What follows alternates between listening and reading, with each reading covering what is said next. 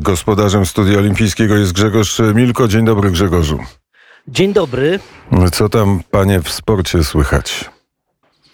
No, e, słychać to, że Kanada się bardzo cieszy.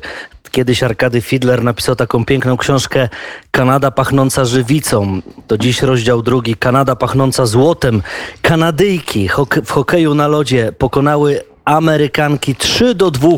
Niesamowity mecz, fantastyczny finał hokeja na lodzie pań e, i Kanada wytrzymała tą nawałnicę w samej końcówce amerykańską, bowiem Amerykanki strzeliły kontaktową bramkę w końcówce, oczywiście wycofana bramkarka i ruszyła kawalkada Amerykanek w stronę kanadyjskiej bramki, ale nie dało się, nie, już zabrakło czasu.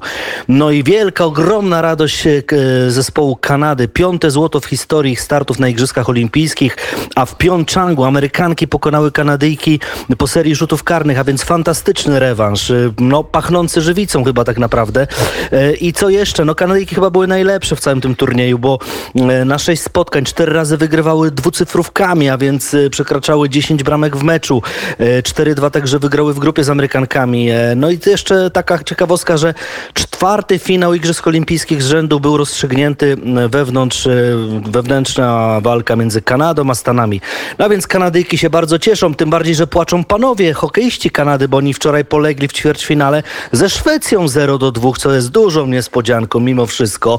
No i proszę, i Amerykanie odpadli z turnieju panów, wczoraj przecież przegrali ze Słowacją i Kanada odpada i mamy e, półfinały, które jutro zostaną rozegrane, mianowicie Słowacja zagra z Finlandią, a Szwecja z Rosją. E, my dzisiaj będziemy od 11 bardzo uważnie patrzeć na lód, na taflę lodową, bo tam nasza Kasia Kurakowa, Jekaterina Kurakowa zadańczy w tańcu dowolnym. Atakuje, e, atakuje z 25 pozycji e, tak naprawdę liderka, więc Kamiłę Walijewą. Wczoraj miałem przyjemność porozmawiać z naszą byłą świetną łyżwiarką figurową, dwukrotną olimpijką, dziesiąte miejsce e, na igrzyskach w Vancouver, panią Anią Rechnio. I ona podzieliła się z nami swoimi uwagami na temat tego, jakie szanse ma Kurakowa no, w walce z tą plejadą łyżwiarek. Posłuchajmy. To znaczy, wie pan, no, spo, sport to jest sport. E, to nie ma, nie ma, że tak powiem, stuprocentowej pewności, że, że ktoś będzie, nie wiem, pierwszy, a ktoś będzie drugi, a ktoś będzie trzeci. Wszystko się może zdarzyć, jak to się mówi, lód jest śliski.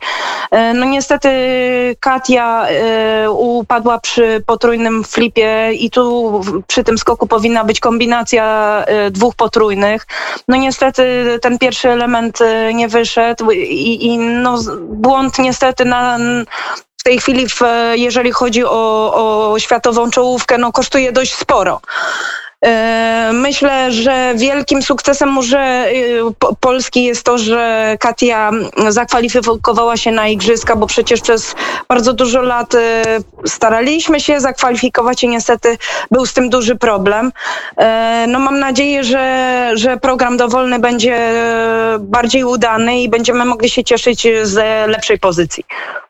To co ona musi teraz zaprezentować w programie dowolnym, żeby przesunąć się, no nie wiem, powiedzmy o 7, 9 miejsc w górę tabeli? Wie, pan, wie pan, to chyba takie gdyby, gdybanie jest bardzo ciężkie. Ja myślę, że dla samej Kati najważniejsze będzie czysty przejazd, e, a, a wiemy, że jest w stanie to zrobić. Myślę, że nie będzie już takiej presji przy programie dowolnej i, i mam nadzieję, że będziemy mogli się cieszyć e, z bardzo dobrego występu występu. A jeżeli chodzi o, y, o to, ile miejsc będzie w stanie się e, podnieść Katia, to chyba e, trzeba byłoby się zapytać e, wszystkich rywalek, które będą jechać. Zobaczymy, czy będą w stanie nam pomóc, czy, czy dziewczyny będą jechać równie dobrze. Anna Rechnio, Lillehammer dziesiąte miejsce, a Nagano dziewiętnaste. No chociaż żeby Kurakowa powtórzyła wyczyny swojej poprzedniczki, byłoby, byłoby nieźle. Dziś jeszcze łyżwy szybkie, e, tysiąc metrów, e, tam e, nasza sztafeta Angelika Wójcik i Karolina Bosiek. Będziemy na to na pewno także czekać i patrzeć. No i może jeszcze doniesienia piłkarskie, bo przecież Liga Mistrzów rozkręca się jedna ósma i tak wczoraj niespodzianka. RB Salzburg remisuje z Bayern Bayernem Monachium 1 do 1. Adamu dla gospodarzy, a dopiero w 90 minucie Kingsley Coman ratuje e, remis Bawarczykom, Lewandowski cały mecz. E, Natomiast Inter przegrywał siebie z Liverpoolem 0-2. Firmino 75, Salah 83. No i dziś jeszcze w Lidze mm, Europy też bardzo ciekawy mecz 18.45 Barcelona Napoli.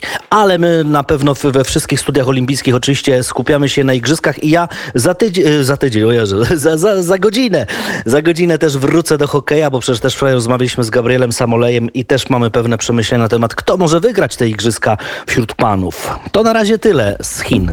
Z Chin jeszcze jedna e, informacja, e, takie b- radio Wolna Azja e, podało informację o tym, że e, ten, który w czasie poprzednich igrzysk e, zapalał znicz olimpijski, e, odsiaduje 14 lat e, więzienia. E, Oczywiście e, należał do tych, e, do tej prześladowanej muzułmańskiej mniejszości. Pozasportowa informacja, ale warto o tym e, pamiętać, e, słuchając o tym, co dzieje się na arenach olimpijskich w Pekinie. Grzegorz Milko e, wróci o godzinie 8.31.